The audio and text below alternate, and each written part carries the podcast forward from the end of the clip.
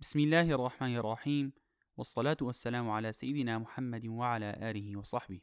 وبعد سنتحدث اليوم عن إمام كبير من أئمة المسلمين يدعى بالإمام الأعظم إنه الإمام أبو حنيفة النعمان.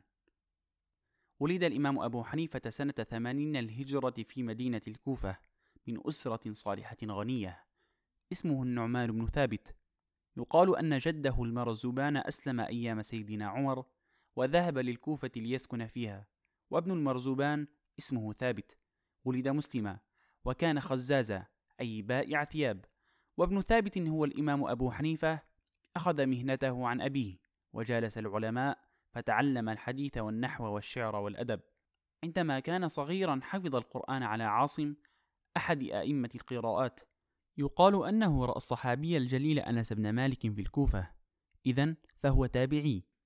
أما صفاته الخلقية والخلقية فكان الإمام حسن الوجه أسمر اللون ربعة من الرجال أي ليس بالطويل ولا بالقصير. كان أيضا كثير الصمت وكثير التفكر كثير التعطر. كان تاجرا أمينا فقد شبهه الكثير بأبي بكر الصديق بتجارته. يمتاز بالتقوى بعث مرة شركه بمتاع وأعلمه أن في ثوب منه عيبا وأوجب عليه أن يبين العيب عند بيعه. ولكن شريكه نسي هذا الأمر ولم يذكر شيئا فما كان من الإمام أبي حنيفة إلا أن تصدق بثمن المتاع كله. كان إذا أنفق على عياله نفقة تصدق بمثلها.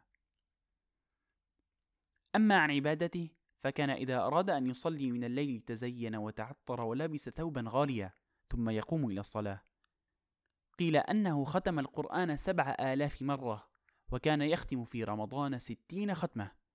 كان يسمى الوتد لكثرة صلاته. روى الشيخان عن أبي هريرة عن النبي صلى الله عليه وسلم أنه قال والذي نفسي بيده لو كان الدين معلقا بالثريا لتناوله رجل من فارس. قال الحافظ السيوطي هذا الحديث أصل صحيح يعتمد عليه في الإشارة لأبي حنيفة. هذا الإمام الأعظم أبو حنيفة النعمان رضي الله عنه. بقي لنا أن نتحدث عن علمه وشيوخه وأصحابه. فنتابع الحديث في التسجيل القادم إن شاء الله. والسلام عليكم ورحمة الله وبركاته.